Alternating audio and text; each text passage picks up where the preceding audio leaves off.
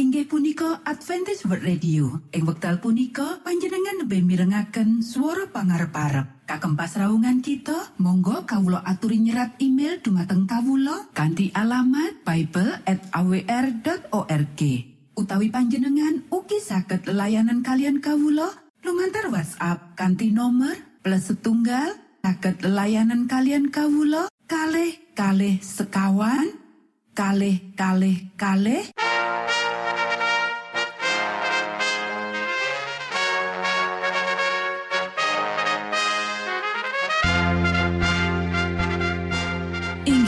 punika Adventis World Radio ingkang giaran kanti basa Jawi. Tentrem Rahayu kula aturaken kagem poro Mitra kinasih ing pundi papan lan panggonan. Sugeng pepanggian malih kalian Adventis World Radio. Kandi bingahing manah Kulo badi sesarengan kalian poro Mitra kinasih lumantar saperangan adicara ingkang sampun rinonci mligi kagem panjenengan sami. Mugi giaran punika saged migunani tuwin dados berkah kagem kita sedaya. Sugeng midhangetaken Gusti amberkahi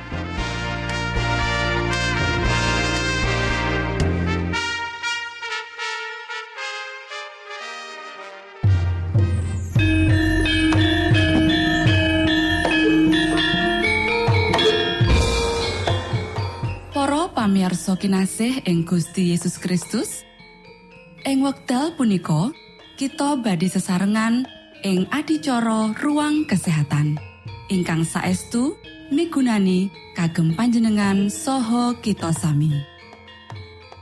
Tips utawi pitedah ingkang dipun aturaken ing program punika tetales dawuhipun Gusti ingkang dipunnyatakaken ing kitab suci.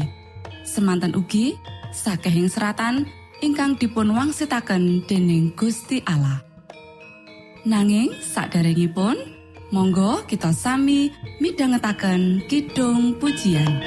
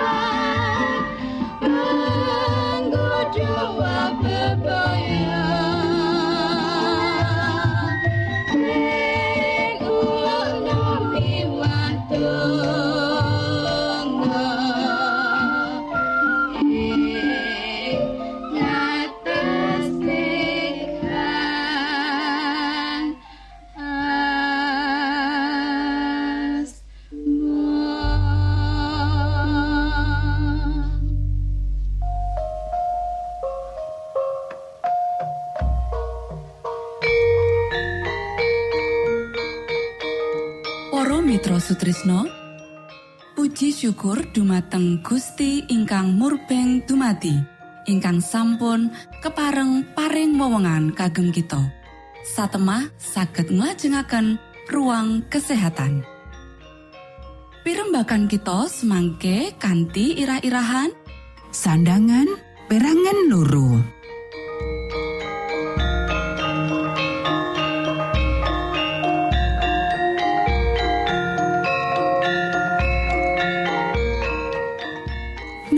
dumateng para pamiarsa ingkang dahat kinurmatan Sugeng pepanggian malih kalian kula Isti Kurnaidi ing adicara ruang kesehatan. Ing dinten punika kanthi irah-irahan sandangan perangan loro. Para sedherek ingkang kinasih, ing episode kang kapungkur kita wis nyinau babakan sandangan lan saiki kita bakal mbacutake sinau babakan sandangan iki. Para sedherek ingkang kinasih, jroning kabeh bab sandangan kutune nyihatake. Gusti Allah ngersakake supaya kita apik-apik lan sehat-sehat wae sakjroning kabeh perkara. Sehat awak lan jiwa. Lan kita kudu dadi juru karya juru karya bebarengan karo panjenengane. Apik kanggo kesehatane awak lan jiwa. Rong perkara iki disokong karo sandangan sing nyihatake. Kutune sandangan iku duweni keanggunan, kaendahan, lan kasarasian saka kaprasajan sing alami. Sang Kristus wis paring pepeling marang kita tumrap gumunggunging urip. Nanging dudu tumrap anugerah lan kaendahan alami. Panjenengane nuding marang kembang-kembang ing ora-ora, marang kembang bagong sing mekar sakjroning kamurnene lan ngendika. Sang Prabu Soleman sakjroning sagunging kaluhurane pangageme ora ngungkuli endahe saka sijine kembang iku. Mangkono karo barang-barang alam, Sang Kristus nggambarake kaendahan sing dipiji swarga. Anugerah sing elok, kaprasajan, kamurnen, kaserasen sing bakal ndadekake sandangan kita kremenake panjenengane. Para sederek ingkang kinasih, sandangan sing paling endah sing panjenengane dawuhake marang kita supaya kita anggo ana ing jiwa. Ora ana sandangan lair sing iso nandingi ajine utawa kemolekan sing asale saka roh sing alus budi lan tentrem sing sanget ajine ing paningale Gusti. Marang wong-wong sing ndadekake prinsip-prinsip saka juru wilujeng iki dadi panuntune, ibu endahe tembung-tembung prajanjanipun iki. Mangkono maneh yo kene kowe padha sumelang bab sandang panganggo. Mulane yen suket ing ora-ora kang dina iki isih ana, sesuk diobong. Iku dipanganggoni kanthi kaya mangkono dening Allah. Apa maneh kowe? Awit saka iku aja padha sumelang lan calatu. Kang padha tak sandang opo? Awit ramamu ing swarga wis pirsa yen iku mau kabeh dadi kabutuhanmu. Ananging kratoning Allah lan kasampurnane iku padha upayanen dhisik. Nulisamu barang iku mau kabeh bakal diparingake marang kowe. Engkang manahipun santoso patuko paringi tentrem rahayu amargi pitados dumateng patuko. Ananging kratoning Allah lan kasampurnane iku padha upayanan dhisik nulisamu barang iku mau kabeh bakal diparingake marang kowe. Para sedherek ingkang kinasih, saipo beda babagan iki karo kekeselan, kekuatiran, leloro sing diakibatake dening aturan mode. Saipo kosok palen karo prinsip-prinsip sing diparingake sakjroning kitab suci, mode sandangan sing akeh diciptakake dening perancang. Katekno mode sandangan sing lumaku pirang-pirang abad keri dhewe malah saksuwene pirang-pirang dosa warsa sing kapungkur. Pira oke ing antarane yang wis ora usum bakal dianggap ketinggalan zaman? Pira akeh sing bakal diomongake ora cocok kanggo wanita sing wis disucikake, sing wedi marang Gusti lan sing anggun. Para sedherek ingkang kinasih, ganti sandangan mung karana mode ora disetujoni dening Sabtu Gusti. mode sandangan sing owah kingsir lan ruwet, perhiasan sing larang-larang, kabeh iku buang wektu lan duwite wong sugih lan buang tenaga, pikiran lan jiwa. Wong-wong meksakake tanggungan sing abot marang sanduwure golongan kaum menengah lan melarat. Akeh wong sing susah golek nafkah, sing sak penere bisa nggawe sandangan dhewe sing prasaja, kapeksa lunga menyang tukang jahit kanggo ngetutke mode. Akeh prawan melarat sing amarga kaun karo mode mutakhir wis ngorbanake ora nganggo sandangan jero sing anget lan bayar akibate kanggo nyawane. Akeh maneh liyane, Marco Mary karo gaya pamer lan parlente wong-wong sugih wis digawa katut ning dalan sing ora jujur lan ngisini-sini. Akeh balik oma sing kelangan kenyamanan. Akeh pria sing kajrumus marang sakjroning ngambur-amburake lan kabangkrutan kanggo marmake tuntutan-tuntutan pamborosan saka sang bojo lan anak-anak. uga akeh wanita sing kapeksa nyediakake sandangan sing dituntut mode kanggo dheweke lan anak-anake nandang bosen terus-terusan. Akeh ibu-ibu sing kanthi saraf gemeter lan trijine gemeter kerja nganti lingsir wengi kanggo nambahke perhiasan kanggo sandangan anak-anake sing ora nyokong marang kesehatan, kenyamanan utawa kaendahan sing nyoto. Marga mode dheweke ngurbanake kesehatane lan katenangan jiwane sing mangkono penting kanggo menehi tuntutan sing bener marang anak-anake. Budaya pikiran lan ati iku dilirwakake. Jiwa dadi gunting. Matur nuwun, Gusti amberkahi.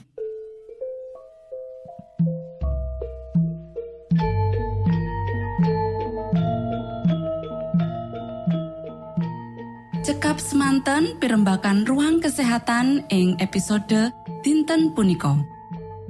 Ugi sampun kuatos jalaran kita badhe pinanggih malih ing episode sak lajengipun.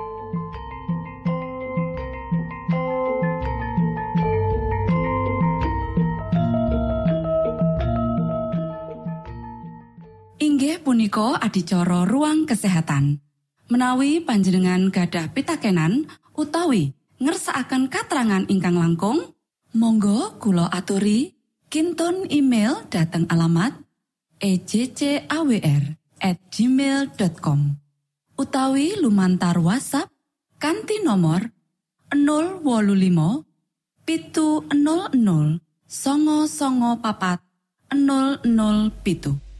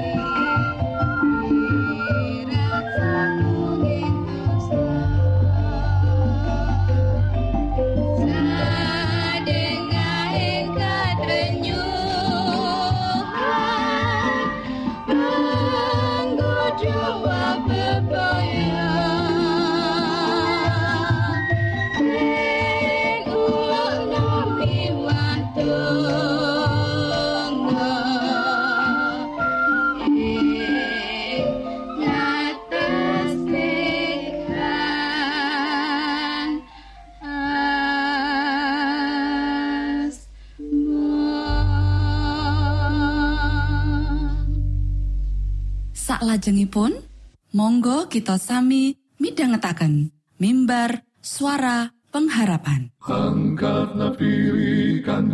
pawarto Sang Kristus paderamu. Pro umat samyo puji asmanyo Sang Kristus paderamu. Inggih punika mimbar suara pengharapan. Ing episode punika kanthi irah-irahan Gusti Yesus ngandharaken Sang Rama. sugeng midhangetaken. minangka tondo Sang Kristus paderamu ilmu kawero tambah lan tambah Sang Kristus paderamu paderamu paderamu Sang Kristus paderamu Shalom para pamirsa ingkang kinasih wonten ing Gusti. Sakmenika kita badhe midhangetaken renungan Sabda pangantikanipun Gusti. Ing dinten punika kanthi irah-irahan Gusti Yesus ngandharaken Sang Rama. Para sedherek ingkang kinasih, Sabda pangantikanipun Gusti wonten ing kitab Yohanan pasal pitulas ayat 6 inggih punika Kawula sampun nglairaken asma patuko dhateng tiang-tiang ingkang patuko paringaken dhateng kawula saking jagat. Tiang-tiang punika kagungan patuko sarta sampun patuko paringaken dhateng kawula. Saha sampun sami netepi ing pangandika patuko. Para sedherek ingkang kinasih, menawi tiang sekeng lan boten nyecep pasinaon, boten saged mangertosi kitab suci. Pramila kekayuanipun Sang Kristus dumateng jagat menika boten migunani amargi panjenenganipun ngendika. Roh Gusti Allah wonten ing kawula amargi panjenenganipun sampun jepati kawula kagem martosaken Injil dumateng tiang sekeng. Panjenenganipun sampun ngutus kawula kagem nyarasaken ingkang rempu penggalihipun. Martosaken pangeluaran dumateng pesakitan lan mulihaken paningal ingkang wuta. Nguali tiang-tiang ingkang tatu. Para sederek, dawuh kagem niti preksa kitab suci ingkang Sang Kristus dawuhaken boten namung kagem tiang-tiang Farisi lan ahli Toret. Namun dumateng pepandanipun warga limrah ingkang ngupengi piyambakipun. Menawi kitab suci mboten kagem dimangertosi saben golonganipun masyarakat, dupi sugih menapa sekeng Napa ginanipun sang juru wilujeng paring dawuh niti preksa kitab suci? Menapa untungipun niti preksa setunggalipun perkawis ingkang boten badhe saged dipun mangertosi? Para sederek, jejibahan saben tiang ingkang sregep inggih menika niti preksa kitab suci. Diri pribadi ingkang kedah mangertosi kanthi mesti syarat sarana kagem manggihaken kawilujengan. Para sederek, tiang-tiang Farisi lan guru-guru agami sangat tebih nyingkur saking kapribatosanipun Gusti Allah. Satemah wigatos kagem Sang Kristus kagem rawuh dumateng jagat pinangka sule sarira Sang Rama. Lumantar kewasisanipun pria lan wanita katuntun dening iblis kagem manggenaken kapribatosan pepeteng wonten ing paningalipun piyambak. Namun sang juru wilujeng nyicali malih sedaya pepeteng dedet ingkang sampun kaolesaken iblis menika satemah panjenenganipun saged mundut sunar pepadang kamirahan lan tresno asih ingkang asalipun saking Gusti Allah kagem kita. Para sederek, Sang Kristus mundut wadaking manungsa supados pepadang lan cahyanipun welas asihipun Gusti Allah boten nyirnakaken titah manungsa. Nalika Musa nyenyuwun, kula nyenyuwun dumateng patuko kapirsanana kamulyan patuko.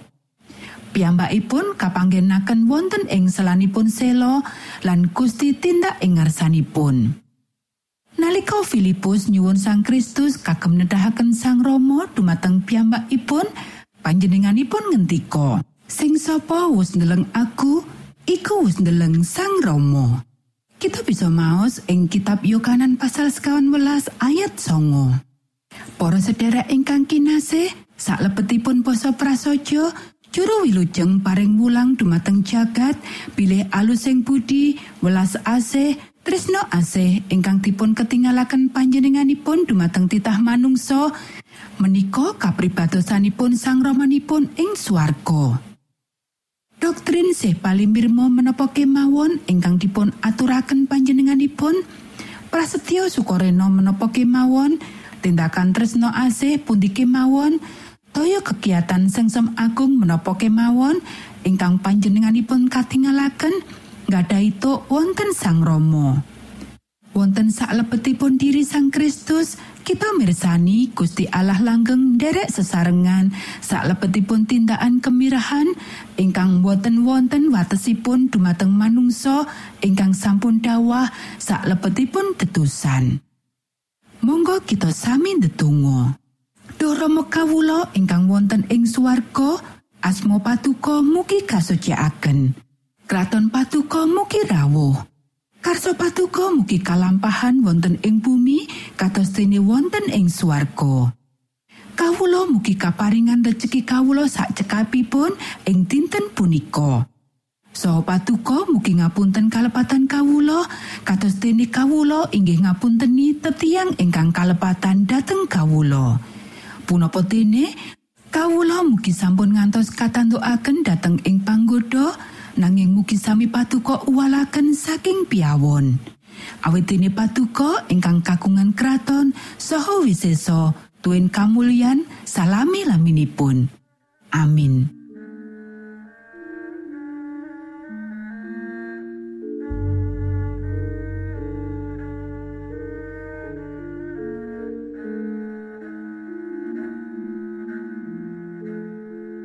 Para Mitra Sutrisno pamiarsa kinasih ing Gusti Yesus Kristus.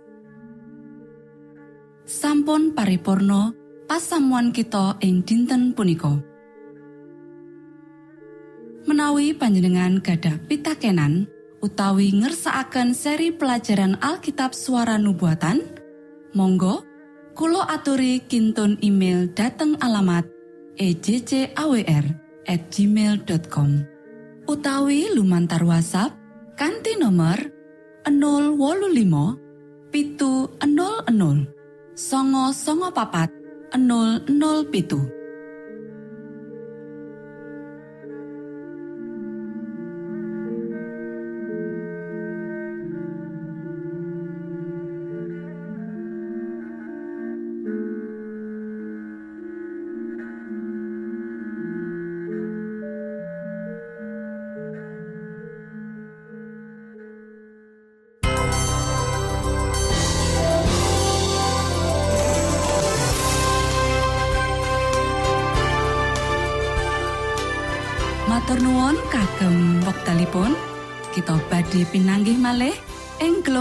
ugi wekdal ingkang sami. Saking studio kula ngaturaken tentrem rahayu. Gusti amberkahi kita sedaya. Maranatha.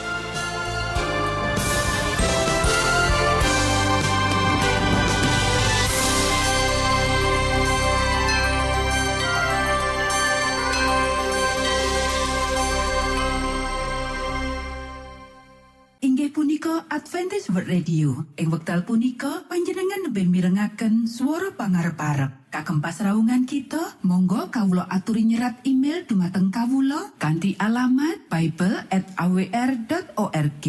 Utawi panjenengan ugi saged layanan kalian kawulo lumantar WhatsApp kanti nomor plus setunggal saged layanan kalian kawulo kalih kalih sekawan kalih kalih kalih